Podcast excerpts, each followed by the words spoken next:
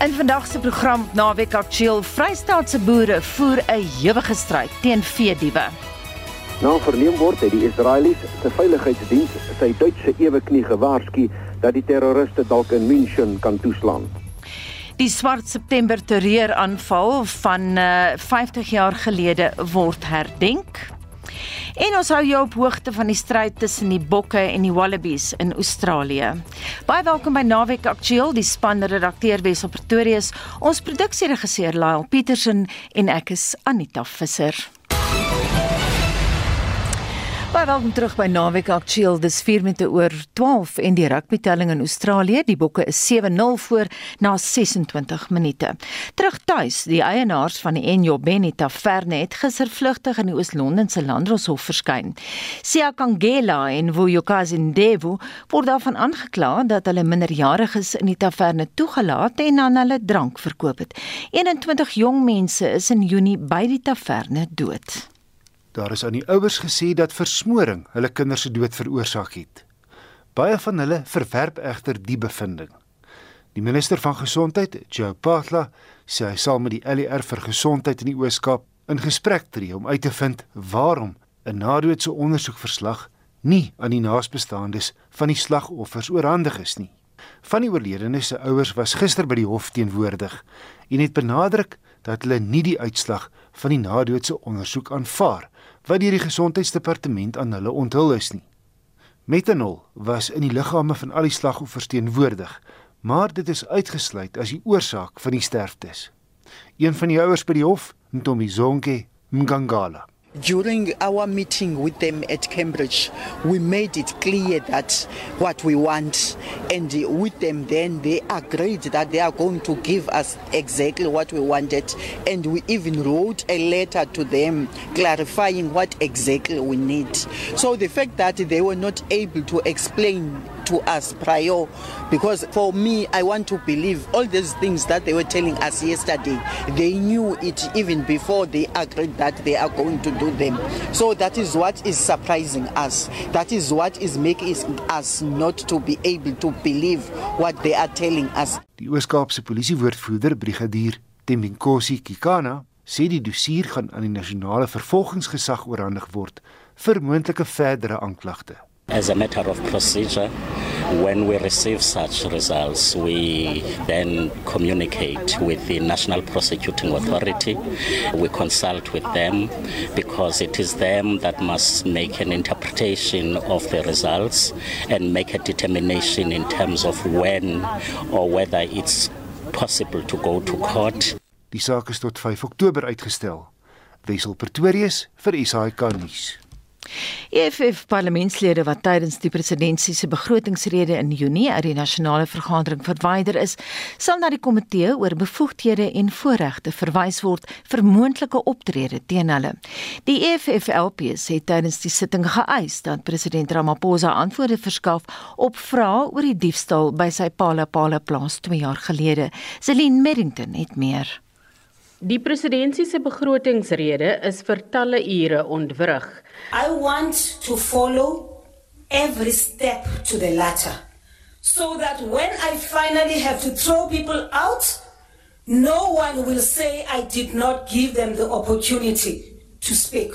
O- now, Honorable Yabona Matunya, you, you, you please, please, son, do you still, if you don't, thank you very much.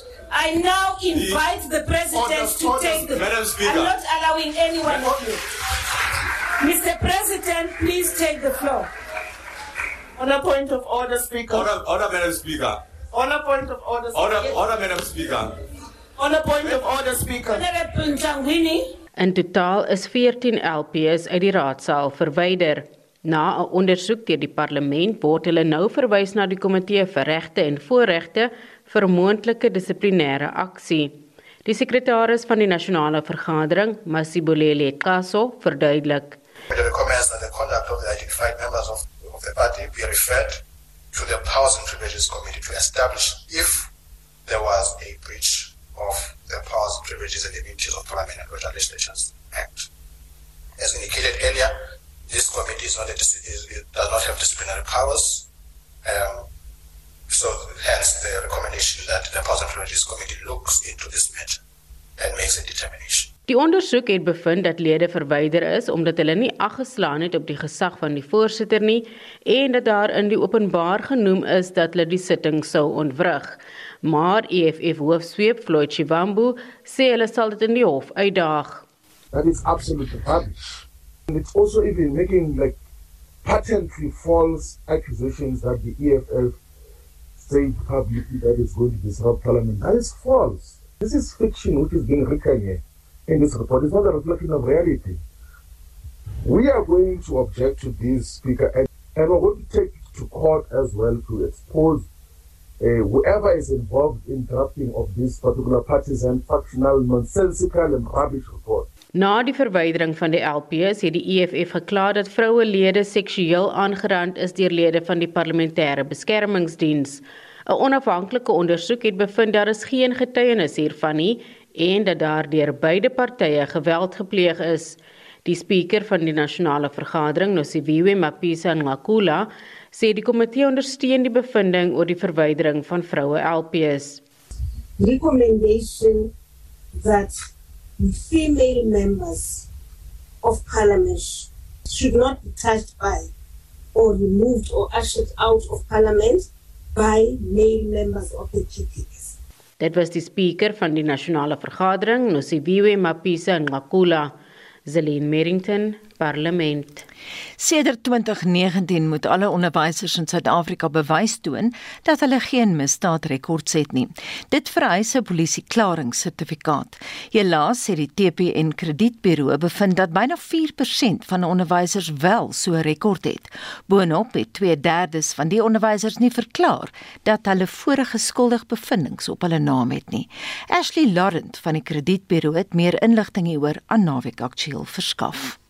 Definitely something schools can address through the necessary checks. We always recommend, and TPN performs three different checks. We do a biometric check so that they get the results 24 to 48 hours later, but then they're also required to submit a manual check to the National Register of Sexual Offenders and then also the National Child Protection Register. Aldus Ashley Laurent, die prentjie voor 2019 is egter duister. Would we have other data from previous years earlier than 2019? No, but we can see that from 2019 onwards, schools requesting and performing these checks has increased by 254% since 2019. So, definite increase, a very sharp increase, and we can see that schools are trying to get on board with respect to legislation. Diefstal neem die voortou wat misdaad onder ons leerkragte betref. Die syfers staan op 26%. Daar's egter 'n breë spektrum van misdade wat Suid-Afrika se onderwysers betrek, waarsku Ashley Laurent. Negligent driving, that's 20.39%, followed by assaults at 15.13%, fraud at 4.61% and then drug trafficking. So very very serious crimes to consider. 'n Polisierekord beteken ook nie noodwendig die trekpas nie. Teachers will not just be dismissed off the bat. Really is dependent on the conviction. If it is of a sexual nature, they have to be dismissed straight away. If it is something else and a much older crime, we have to consider the nature of the conviction and when this conviction took place. Schools must be careful not to act and take action prematurely. Maar hoe lyk daardie syfer vir seksueel verwante misdade? TPN found from our data that it sits at 2.63%. It's quite high. But again, something schools can address. They should be reminded that it is an obligation to do these necessary checks against both the National Register of Sexual Offenders and also the National Child Protection Register. Dit dan Ashley Laurent van die TPN Kredietburo. En dit is nie net die kredietburo wat die land se onderwysers onder die vergrootglas geplaas het nie. Corruption Watch het ook die geknoeiery van Suid-Afrika se leerkragte aan die groot klok gehang met 'n verslag getiteld Sound the Alarm wat toon dat korrupsie gedui onder onderwysers. Die nasionale onderwysersunie se Basil Manuel is egter skepties oor die aard van die navorsing. Om hom aan te haal, I have to be convinced that these cases are researched thoroughly and not based on a suspicion of wrongdoing. Jaco Deeken, uitvoerende hoof van die Federasie van Skoolbeheerliggame, deel die skeptisisme. Basil is reg want Corruption Watch werk nie op feite nie. Corruption Watch werk op 'n uh, klagtelyn waar mense klagtes lê. Nou elke klagte wat gelê is, is nie ondersoek nie. So daar's nie noodwendig getuienis by al hierdie beweringe wat gemaak is nie, maar dis gevalle wat aangemeld is by Corruption Watch. En ek dink dit's juist waarom ons en ook die Suid-Afrikaanse Onderwysersunie gemaan het dat 'n mens die verslag versigtig moet lees. Natuurlik is mense bekommerd as hierdie geweldige groot aantal sake aangemeld word binne onderwys, maar die groot uitdaging lê om van 'n aangemelde saak af die saak te ondersoek om te kyk is daar meriete, is daar bewyse en dan daadwerklik op te tree. So ons deel Naptoos as 'n bekommernis. Nou ons praat ook hier van die Suid-Afrikaanse Kredietburo en hulle het ook 'n verslag uitgebring soos Corruption Watch en hulle sê dat skoolhoofde en skoolbeheerliggame van die ergste sondaars is. Dis tog kommerwekkend want hulle beskik oor die meeste mag. Nee, inderdaad, maar weer eens hierdie feite moet getoets word. En dis belangrik dat persone wat hierdie ondersoeke doen op die klagtelyne het, hierdie inligting na vore bring dat die vrotappels uit die stelsel gebring kan word. En as daar samespanning sou wees tussen 'n skool of 'n beheerliggaam dan is beide partye skuldig. En ons het die nodige prosesse om van daardie lede van beheerliggaam ontslae te raak en die dissiplinêre prosesse met hoof toe te gaan. So verslag is een ding, maar om feite en getuienis na die tafel toe te bring is iets anders. En dit is waar die groot verantwoordelikheid nou lê van die instansies wat verslae uitbring is om met hierdie bewyse voor in dag te kom dat ons iets daadwerklik kan doen en kan optree. Maar dis verblydend dat die samelewing bekommerd is oor onderwys en hieroor praat. Dis inderdaad het ons dan ook vir hulle gevra het. Maak hierdie inligting bekend. Maak seker dat daar vervolging kom anders is dit sensasionele beriggewing of daar's 'n verslag wat aandag trek maar geen verandering maak nie. Net vir 'n oomblik terug na die vorige onderhoud met Ashley Laurent van die kredietburo.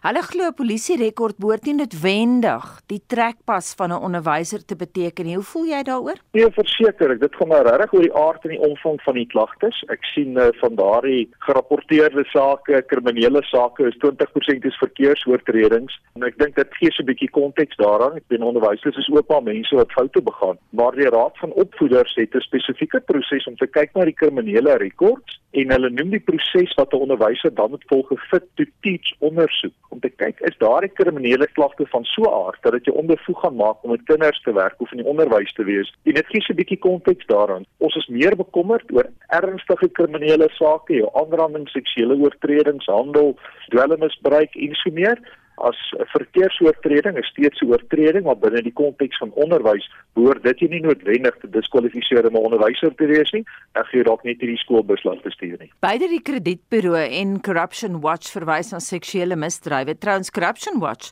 sê daar was 'n 230% toename in die misdrywe oor die afgelope 5 jaar. Dink jy dis korrek? Ek nog op daardie getalle glo want ek is ook betrokke by die Suid-Afrikaanse Raad vir Opvoeders en as ons kyk na die verslae wat hulle uitbring, is daar versekerde toename in rapportering. Dis ten minste by die Raad vir Opvoeders, maar wat skrikwekkend bly, is dat die skuldigbevindingssyfer bly laag van die slagoffers of van die slagoffers se familielede wil nie hierdie prosesse moet voortgaan. Nou dit is ook in baie gevalle verstaanbaar as daar 'n verkrachting was of seksuele misbruik en 'n persoon moet getuig dan praat ons sielkundiges van 'n sekondêre verkrachting en baie keer met hierdie jong mense in 'n tweede of 'n derde of selfs 'n vierde proses getuig en dit raak eenvoudig te veel.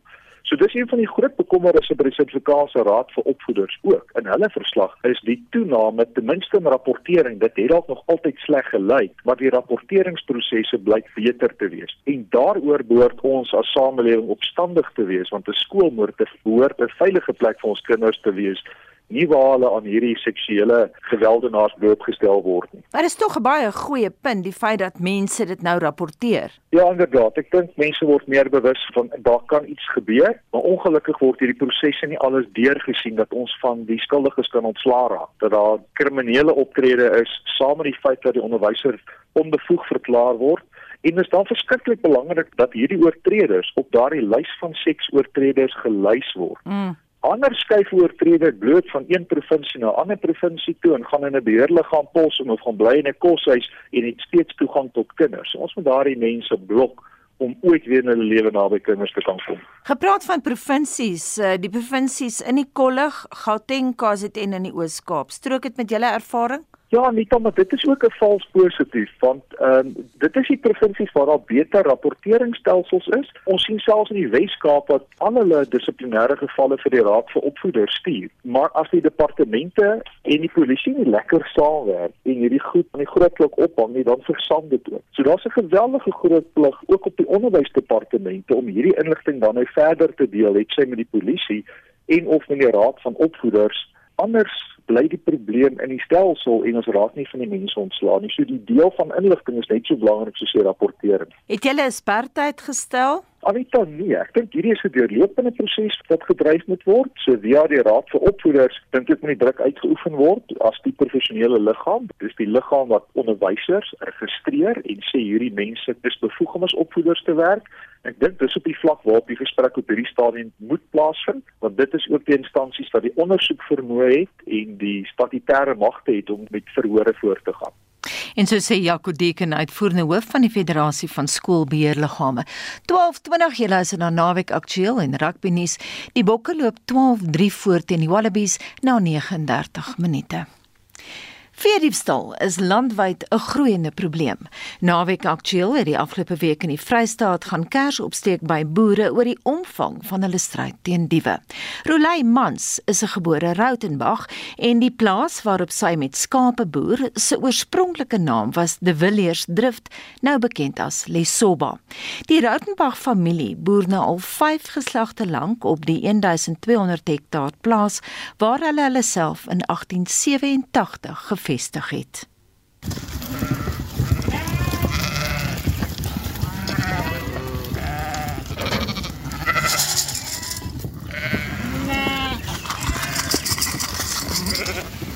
Rolei, so hierdie is nou eh, 'n uh, bietjie van 'n bederf vir die skape.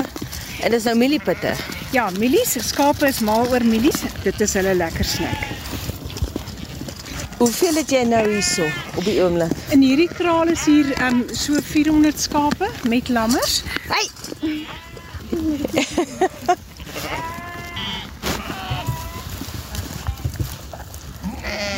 um hierso is die, die ooe met lammers. Hier's op die oomblik 200 ooe met lammers, jong lammers. En dan in die ander kraal is daar ander um oop ooe en ouer ooe en jong ooe wat dragtig is. Hoe lyk die situasie? Ons is by die Lesotho grens. Soos wat die kraai nou vlieg.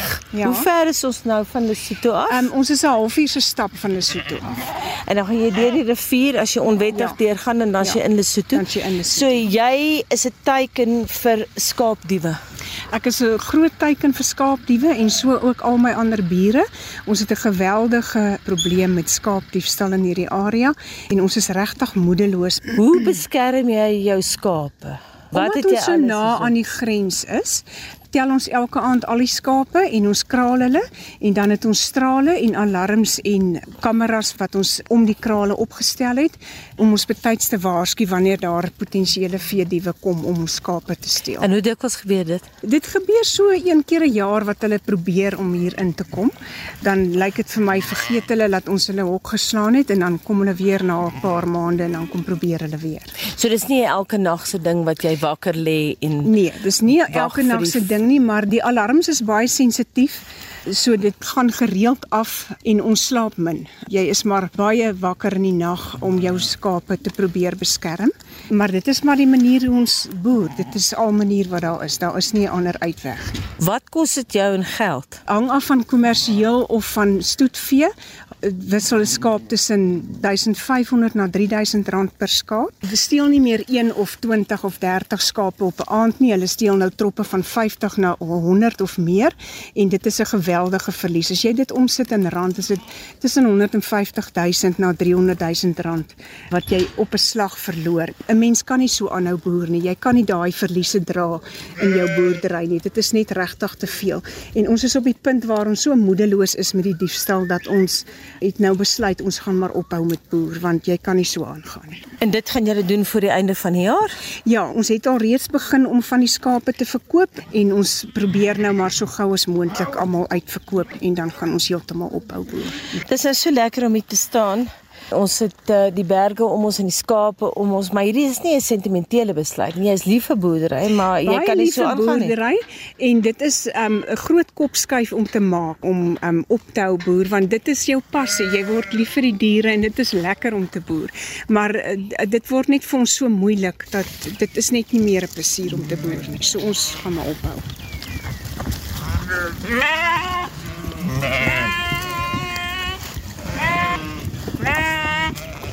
Roulei kla boonop dat die boere maar min hulp van die owerheid af kry. Die weermag is veronderstel om ons te help want hulle is hier vir oorkruis beweiding teenkamping en veediefstal. Hulle help ons glad nie. Hulle is geen ondersteuning van enige aard nie. Hulle verwys ons altyd na die polisie toe. Die veediefstal eenheid werk nie snags nie. Hulle werk kantoorure van 7 tot 4. Daar's geen ondersteuning van hulle kant af nie. Ons is absoluut op ons eie aangewese. So jy moet jou eie probleme oplos, jy moet jou eie beveiliging doen. Um, jy moet jou eie sekuriteit in werking stel as jy wil boer.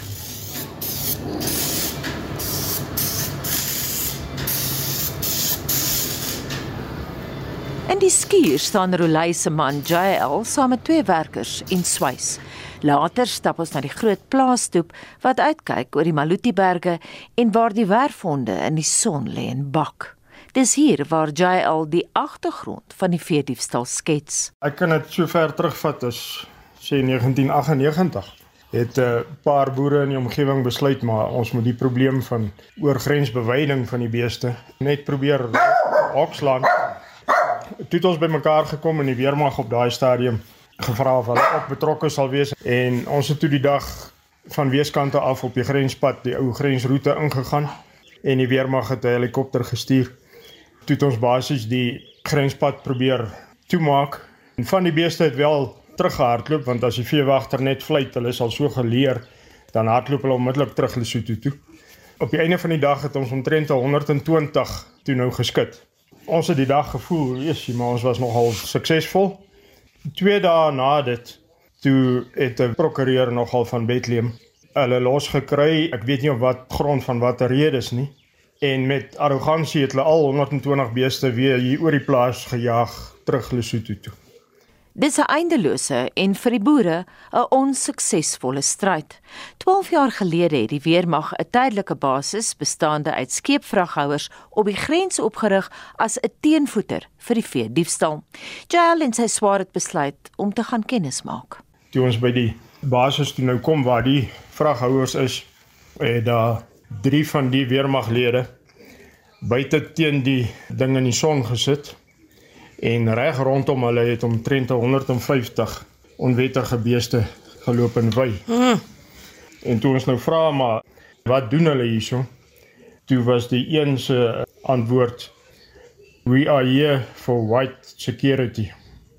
Ons het toe foto's geneem soos wat hulle in die son sit en van die beeste wat reg rondom hulle wy. Die einste fotos is tydens die volgende boerevereniging vergadering aan die weermag se bevelvoerders getoon sonder enige gevolg. En hoe lyk dit nou vandag? Wat gebeur op die oomblik op jou pad net hier onder jou plaas? Die grootste probleem is uh bakkies met sleepwaens wat in die nag die vee laai en gesteelde vee laai en dan nou verskuif van 'n bilpark toe en veilinge toe daar.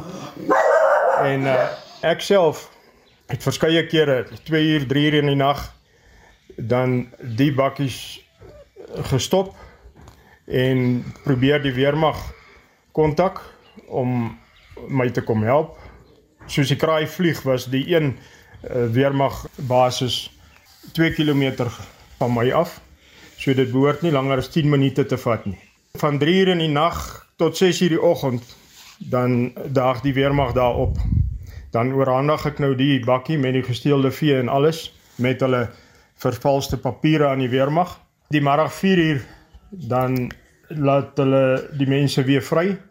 Dan sê hulle maar die veediefstal eenheid het nooit opgedaag nie. So dan sê ou Vrydag gaan lewer hy sy uh, gesteelde vrag vee af en dieselfde aand of die volgende aand dan is dieselfde bakkie, dieselfde registrasienommer, dan laai hulle maar net weer. JL Man sê uit boonop bewys dat die plaaslike polisie deel van die veediefstal syndikaate is. In die voertuig in die bakkie was 'n polisieman met sy 5-jarige kind en hy wou net die hele tyd iemand bel om die kind te kom haal om die kind te kom haal en dit is hoekom die polisie tak in Fourierburg nie gereageer het nie want dit was een van hulle lede wat ook in die bakkie was en betrokke is. Saam met die diewe. Saam met die diewe en van daai saak het daar ook niks gekom nie. Wat nou gebeur is hulle reik hulle eie verwyderingssertifikate uit en skryf dit self. Sou ons bel en sê Clarence of Bethlehem polisie moet die bakkie voorlê. Hy is op pad soontoe dan wys hulle net die verwyderingssertifikaat wat onwettig is en so kom hulle los. So ons hande is basies afgekap. Op pad Fourierburg toe tel ons 'n opgevrommelde dokument op. Dis 'n veeverwyderingssertifikaat met die naam van ene Moketa Makwena wat kwansuis 39 skape en een bok van die plaas Lesoba af sou verwyder het.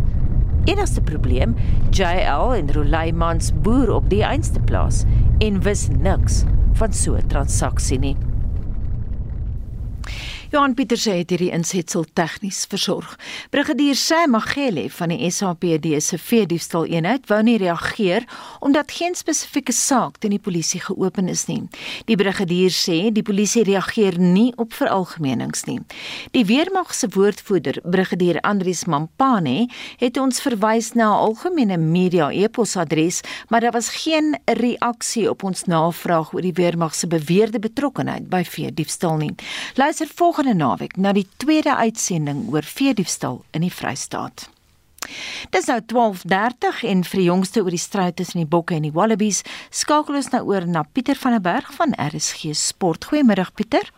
Maar as hy Anita ja, dis 'n rustyd in Sydney, natuurlik 'n nat Sydney. Dit reën nie tydens die wedstryd nie, maar net voor die wedstryd en meer die loop van die dag en dit heel wat gereën in daardie splinter nuwe Allianz Stadion. 42500 mense. Nou uh dis wat heel wat beter vaar. Kom ons noem net eers uh, voordat ons gesels oor die inhoud van die wedstryd. Suid-Afrika loop met rustyd met 12 punte teenoor 3 voor. Ja, Suid-Afrika 2-3 teenoor uh, net daardie strafdoel van die Aussies, maar voordat ons 'n ontleding doen van daardie eerste helfte, wil ons dan net sê dat uh, vroeër was dit die All Blacks wat op 'n nat Waikato stadion uh reeds rustyd 24-3 voor was teen Argentinië. Dit is in die ander kampioenskapswedstryd en uh, dan is dit uh die uh, eindtelling 53-3. Ja, die All Blacks verlede week verloor hulle teen Argentinië. Vandag wen hulle met 53-3. Hulle het 7-3.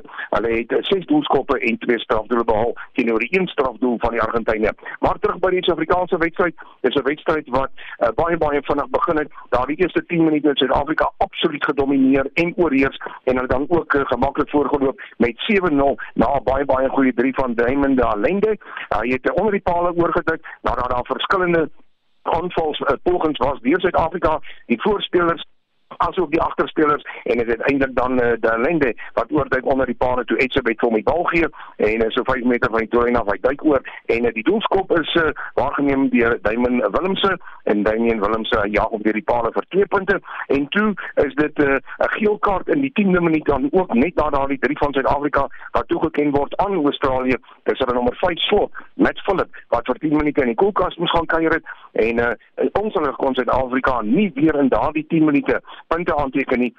Dit was eers in die 31ste minuut waar Australië uh, binne in Suid-Afrika se kwartgebied die eerste keer gekom het. Hulle dwing 'n strafskop af. Hulle kry 3 punte daar. Suid-Afrika toe met 7-3 voor en toe in die laaste minuut, die 39ste minuut, is dit Suid-Afrika waar die bal vorentoe skop. En ek moet sê Jaden Hendricks sê daardie bal op sy eie 10 meter uh, stiplyn het hy oor hierdie uh, loskram het hy vorentoe geskop tot so uh, halfpad tussen die kwartlyn en die middellyn in die Aussie gebied en wat 'n briljante springpoging van uh, Kainan Moody die nuweling in die Suid-Afrikaanse span. Hy is uh, vandag vir sy eerste toets op die veld en hy het gedomeineer in die lug en hy het daardie uh, bal weggegryp daar uh, voor uh, die vleuel Coribete se neus en hy het gehardloop van uh, halfpad tussen die kwartlyn en die middellyn in ons gebied tot in die hoekie waar hy oorgeduik het en dit is in Afrika wat voorloop 12-3 die doelskop nie uh, suksesvol nie. So dit is die rustuittelling. Ons gesels net voor 1 uur weer 12-3 wat wat Suid-Afrika voorloop. Anita, 'n goeie eerste helfte vir Suid-Afrika. Ons hoop dit gaan beter in die tweede helfte. daarmee terug na Jonie Atelier. En van Pieter van der Berg gaan ons na Christo Gawie wat kyk na ander sport van die naweek.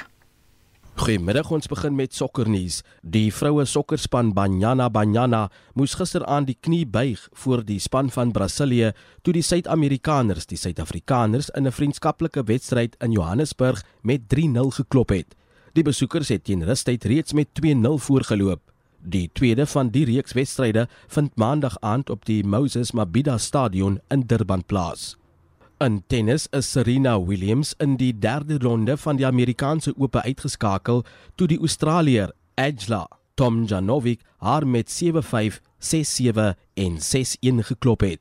Williams het verlede maand aangedui dat sy gaan uittreë, maar het nie as sulks bevestig dat haar laaste buiging in die Amerikaanse Ope sal wees nie. 'n Nog uitslaa is Ryan Klassen van Suid-Afrika en Marcelo Melo van Brasilië vroeër in die tweede ronde van hulle dubbelspelwedstryd teen Harry Heliovara van Finland en die Brit Lloyd Glaspool uitgeskakel met 6-4 en 7-6. Die Stormers het gisteraand gewys tot waartoe hulle in staat is in 'n voorseisoense vriendskaplike kragmeting met 'n weghol oorwinning van 94-7 oor die SWD Arende op die Outeniqua Park Stadion in George.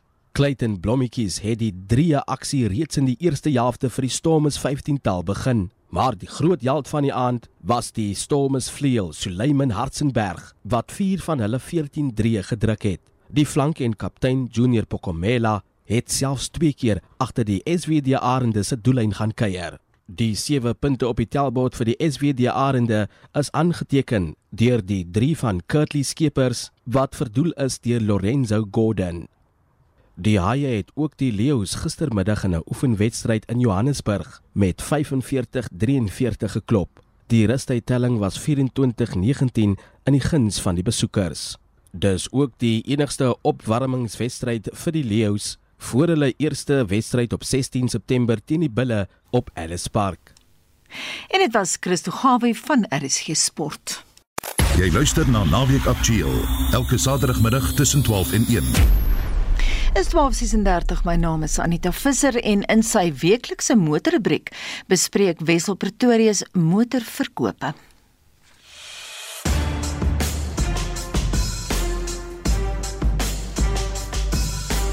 Voertuie het verlede maand fliks verkoop ondanks moeilike handelsomstandighede. Volgens Naamsa is altesaam 47420 eenhede plaaslik van die hand gesit. 14,2% meer as in Augustus verlede jaar en dis die 5de agtereenvolgende maand van groei. Die motorhuurbedryf het hiertoe bygedra wat nou voorraad inhaal na al die COVID-verwante beperkings. 8,3% van alle nuwe voertuie is verlede maand deur die bedryf opgeraap. Wat ook 'n gesonde bydrae tot die groei gelewer het, is Toyota se Prospecting aanleg in Durban wat nou weer voertuie vervaardig. Dis nou nadat erge vloedskade in April die aanleg tot stilstand geruk het. Toyota Suid-Afrika het egter steeds agterstaan om in te haal en dit gaan nog 'n ruk neem om te voldoen aan die vraag na van die land se gewildste voertuie, die Corolla Cross, Hilux, Fortuner en Hiace. Tog was Toyota weer loshande die topverkoper verlede maand met meer as 11100 eenhede. Dis 4000 meer as in Julie.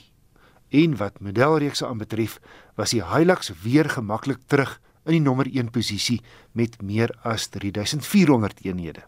Volkswagen was algeheel tweede met net minder as 6700 en met verkope van byna 4200 was Suzuki derde. Vierde Hyundai net meer as 3100. Nissan in die vyfde plek gevolg deur Renault, Ford, Isuzu, Kia, tiende Haval en dan Mahindra en Chery met verkope van net meer as 1300. Verblywend is ons uitvoere. Verlede maand is net meer as 28600 eenhede uitgevoer. 'n Stywe 57% meer as Augustus verlede jaar.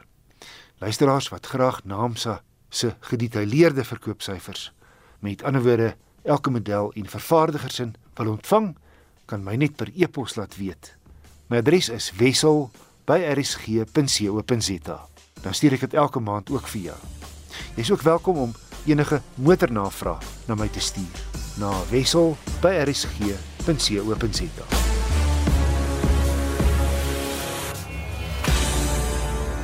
Komende Maandag 5 September is die 50ste herdenking van die drama wat by die München Olimpiese spele in 1972 ontvou het. Naweek Aktueel het met die hulp van die argiefpersoneel die volgende verslag saamgestel. Intussen is die automatumstyd aangeskuif na 2 uur, toe na 3 uur en later 6 uur Suid-Afrikaanse tyd, wat wou aandui dat aan weerskante toegewens was. Na verneem word het die Israelies se veiligheidsdiens sy Duitse eweknie gewaarsku dat die terroriste dalk in München kan toeslaan. Uit Bonn het die Duitse bondskanselier meneer Willy Brandt hier na München gevlieg om persoonlik aan die hoof te staan van hierdie driehoekige onderhandelinge. Om 05:30 Dinsdagoggend 5 September 1972 klim 8 lede van die swart beweging faksie van die Palestynse bevrydingsbeweging oor die 2 meter hoë heining van die Olimpiese atletedorp in München. Die 8 dra sweetpakke soos die ander atlete wat skelm laatnag gaan kuier het. Geen wenkbraulig of alarmloei nie, maar in hulle rugsakke versteek is Tokarev pistole en handgranate. Die aksie verskuif nou na klasse 31 waar nege Israeliese atlete onder andere die spanleier, die spandokter, 'n roeier en 'n stoeier gijslaar gehou word. Die wêreld se oë is gerig op München. Die omroeper Pierre Maree skets vir luisteraars van die destydse Afrikaanse diens die verloop van die gebeure. Om 5 uur stuur die terroriste wat nege gijslaars in die woonstel gevange hou, 'n outomatum in Engels aan meneer Willie Dahme, die president van die organisasiekomitee van die spele, waarin dit onomwonde gestel word dat as daar nie voor 1 uur Suid-Afrikaanse tyd aan hulle eise voldoen word nie, die nege gijslaars ook om die lewe gebring sal word. Swart September eis die vrylating van 234 Palestynse politieke gevangenes in Israel se tronke, asook die stigterslede van die Bader Meinhof groepering Ulrike Meinhof en Andreas Bader wat in Wes-Duitsland in aanhouding is. Die internasionale media berig dat die Duitse minister van binnelandse sake Hans Dietrich Genscher Israel se aanbod om 'n spesiale taakmag Wes-Duitsland te stuur verwerp het. Later sou Beyer se minister van binnelandse sake Bruno Merk die berigte as vals afmaak. Bruno Merk, Genscher en München se polisiehoof Manfred Schreiber beman die krisisbeheersentrum en bied die terroriste geld aan om die gijslaers vry te laat. Die aanbod val. Intussen word swart September se oorsprong en motiewe wêreldwyd bespreek en ontleed. Die beweging het vermoedelik ontstaan na die neerlaag wat die terroriste in September 1970 gelei het tydens die burgeroorlog in Jordanië tussen die Palestynë en die leer van koning Hussein. Die Palestynë verwys na hierdie tydperk as Swart September, aangesien hulle daarna uit die land moes vlug. Arabiese deskundiges meen dat die Swart September beweging oor sowat 100 aktiewe lede beskik. Die laaste voorval waarby die groep betrokke was, voor die jongste een by die Olimpiese spele, was die skaking in Mei vanjaar van 'n Belgiese vliegtuig op 'n vlug na die lughawe by Tel Aviv. Die drama duur voort. Helikopters vlieg na Fürstenfeldbruck, 'n dorpie 32 km van München met 'n lugmagbasis. Daar besluit die polisie egter op die laaste nippertjie om af te sien van hulle sending sonder om die bevel en beheerstruktuur te raadpleeg. Slegs 5 Duitse skerpskutters bly nou oor om swart September vas te vat. Dis nou dat kolonel Ulrich Wegener wat 2 maande later die elite antiterreureenheid GSG 9 sou stig sê dis die einde vir ons. Die swak oordeel is tekenend van die Duitsers se oorhoofse hantering van die München drama. Van meet af aan wat die Duitse gasheere die nasies se militêre mags vertoon tydens die 1936 Olimpiese spele in Berlyn vermy. Geen reëlings is getref vir gepantserde voertuie om op bystand te wees nie, weens 'n bepaling na die Tweede Wêreldoorlog dat die weermag nie aan enige operasies binne die grense van Duitsland mag deelneem nie. Pierre Maree het ook hierop kommentaar te lewer. Mens vra jou vanaand af watter narimpeling vandag se gebeure gaan hê. En natuurlik ook in hoe mate gaan die goed herstelde naoorlogse verhouding tussen Israel en Wes-Duitsland wat verantwoordelikheid aanvaar het vir die veiligheid van alle deelnemers in München nou geskaad word. 'n geveg tussen die Duitse skerpskutters en Swart September dood 5 van die beweging se lede. Die oorblywende 3 gaan tronk toe.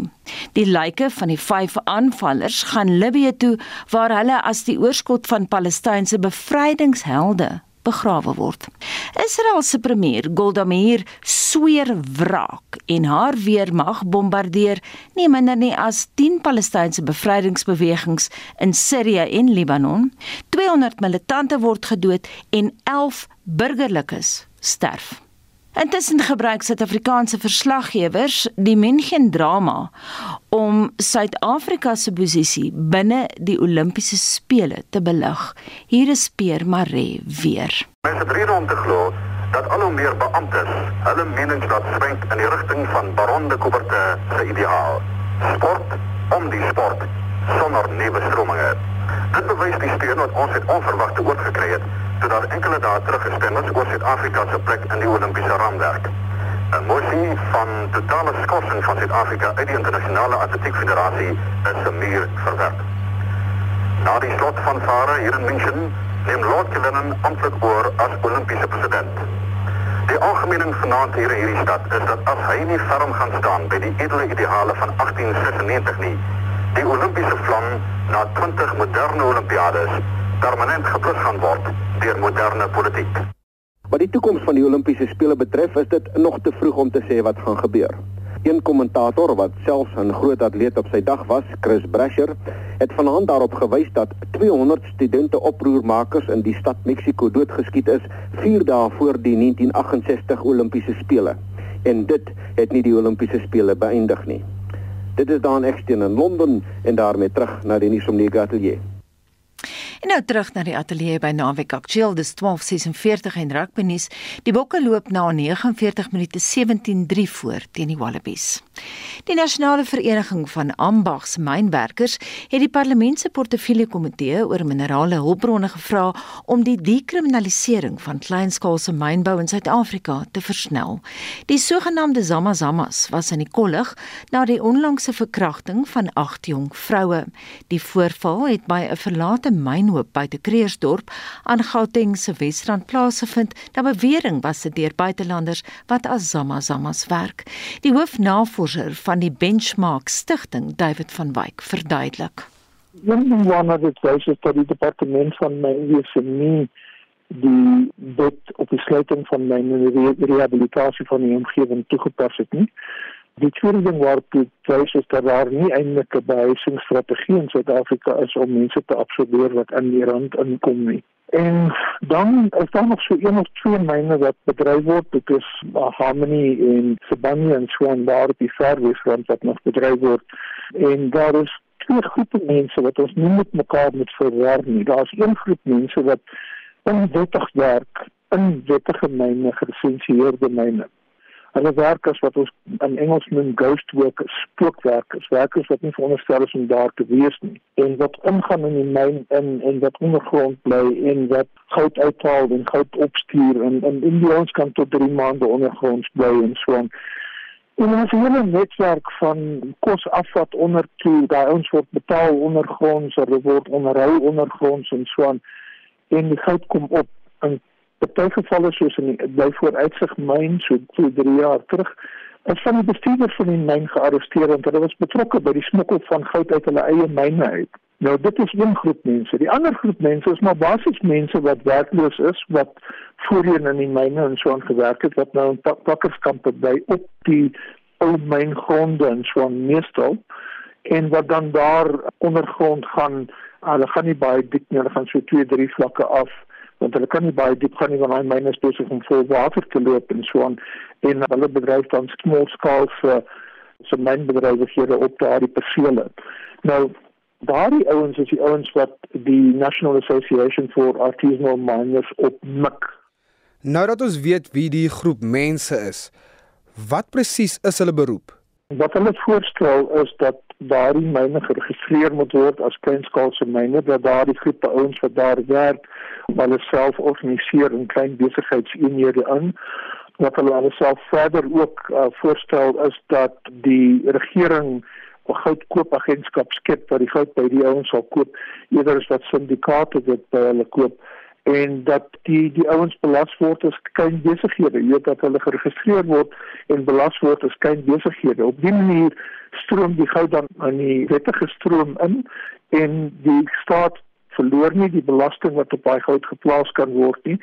Dit skep werk vir mense en dit skep inkomste vir mense en daar kan baie klein bedrywighede rondom sulke produksie eenhede gevorm word. Jy, jy kan byvoorbeeld kleinskaalse juweel maak. Jy kan hele klomp goed doen rondom my ouens weet hulle voorsien van veiligheidstoerusting en uniforms weet en klere en die tipe van goed. En natuurlik ook kos en tipe van goed. Daar's 'n hele ketting wat geskep kan word rondom hulle waar deur gemeenskappe waar daar groot vlakke werkloosheid is kan baat. Nou die vereniging van ambagsmynwerkers doen 'n beroep vir 'n regulerende raamwerk. Hoe sal so iets lyk want daar is glad nie wetgewing vir kleinskaalse mynbedrywighede in Suid-Afrika nie. Die probleem met Suid-Afrika is ons het nie beplan vir die einde van myne nie. Daarom sit ons nou met 6000 verwaarlose en eienaarlose myne wat nie gerehabiliteer is nie. En ons het nie beplan vir medium en kleinskaalse mynbedrywe nie. En dus weet die regering nie hoe om dit te hanteer nie.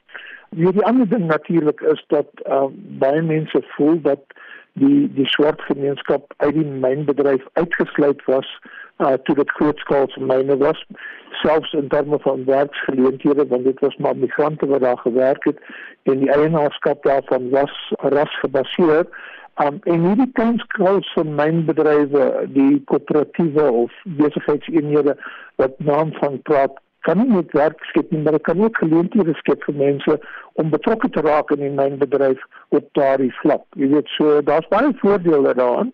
Maar daar's baie nadele daaraan as dit nie beheer word en as dit nie gereguleer word nie. Want as dit nie gereguleer word nie, dan word dit basies maar net 'n pool van misdaad uh, in die gemeenskap self en dan skep dit wrywing tussen die mense en dan ook die tipe van geweld wat ons nou die afgelope paar uh, maande wel gesien het. Ja, die hoofnavorser daar van die Benchmark Stichting, David van Wyk, en hy het met Vincent Mofokeng gepraat. Die dierewelsynsorganisasie Volpos sê in 'n skriftelike voorlegging aan die Departement van Vissery en Bosbou dat hulle bekommerd is dat van die voorstelle vir die wildsvleisstrategie strydig is met die wetskrif oor bewaring en volhoubare biodiversiteit. Elise Parker, die woordvoerder van Volpos, verduidelik hoekom hulle ongelukkig is. In ons kommentaar oor die konsep wildvleisstrategie wat verlede week gelewer is, het ons die minister gevra om die strategie weer onder die loep te neem en onmiddellik veranderings aan die strategie te maak. Suid-Afrika moet wegbeweeg van die intensiewe teeling vir kommersiële doeleindes van enige wilde diere. Die land het alreeds erken dat leeuboerdery nie kan voortgaan nie as gevolg van goed gedokumenteerde gevalle van dierewelsynstandaarde wat oortree is en die bedreiging vir bevolkings in die natuur. So ons wil 'n pleidooi lewer aan die regering dat hulle dringend heroorweging skenk om nie dieselfde pad met ander wilde diere te stap nie. Nou Elise verduidelik vir ons hoekom jy sê die wetskrif is teenstrydig met hierdie nuwe strategie. Parallel aan hierdie strategie het die departement 'n wetskrif op bewaring en volhoubare gebruik van biodiversiteit vir kommentaar beskikbaar gestel. Dit staan oop tot die 10de September. Die wetskrif moet aangeprys word omdat dit die positiewe hervorming van Suid-Afrika se bewaringssektor kan inlei. Maar hierdie progressiewe en vooruitstrevende bedeling wat daarin voorgestaan word, word nie in die wildsvleisstrategie uitgespel nie. Terwyl die wildsvleisstrategie industriële teeling, boerdery van en die slag van wilde diere voorstaan, erken die wetskrif die belangrikheid van diere as gevoelswesens en die intrinsieke waarde van ons biodiversiteit. En watse ingryping verwag julle van die regering se kant af?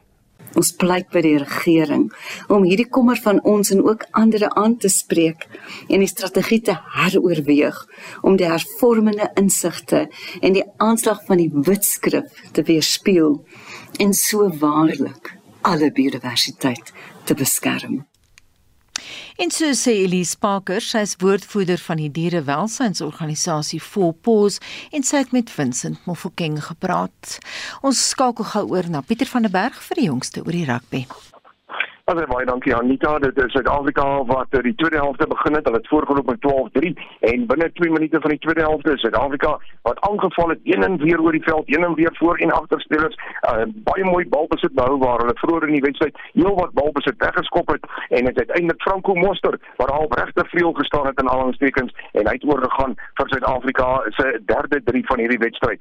So Suid-Afrika daar die doelskop was nie suksesvol nie. Is tans voor met 17 punte teenoor 3. Suid-Afrika 17-3 voor en uh, daar is uh, wat uh, die speeltyd dan betref, uh, is dit uh, so 'n uh, ehm um, 22 minute wat oor by in hierdie wedstryd en uh, dit was die Aussies wat die afgelope paar minute baie baie goed aangeval het. Hulle het ongelukkig het hulle in die 56ste minuut het uh, Australië was op die aanval toe hulle nog met 3 voor hy Ellen Alalatoa het hy met uh, sy skouer het hy kontak gemaak met een van die Suid-Afrikaanse spelers se kop en hy is gestraf en dit is 'n uh, baie goeie nuus vir Suid-Afrika gewees want die ons was goed op die aanval gewees maar nou na 58 minute is dit Suid-Afrika wat 17-3 voor is dis die ons wat die hele klompie veranderinge reeds gemaak het aan hulle span maar wat Suid-Afrika betref gebiedsvoordeel balbesit beslis beslis die beste regte daan toe. En ek sê ongelukkig hier en daar balbesit weggeskop en in Suid-Afrika wat sopas balbesit afgeneem het in 'n lyn staan van die Aussies maar dit is dan eers die nuus. Suid-Afrika 17-3 voor.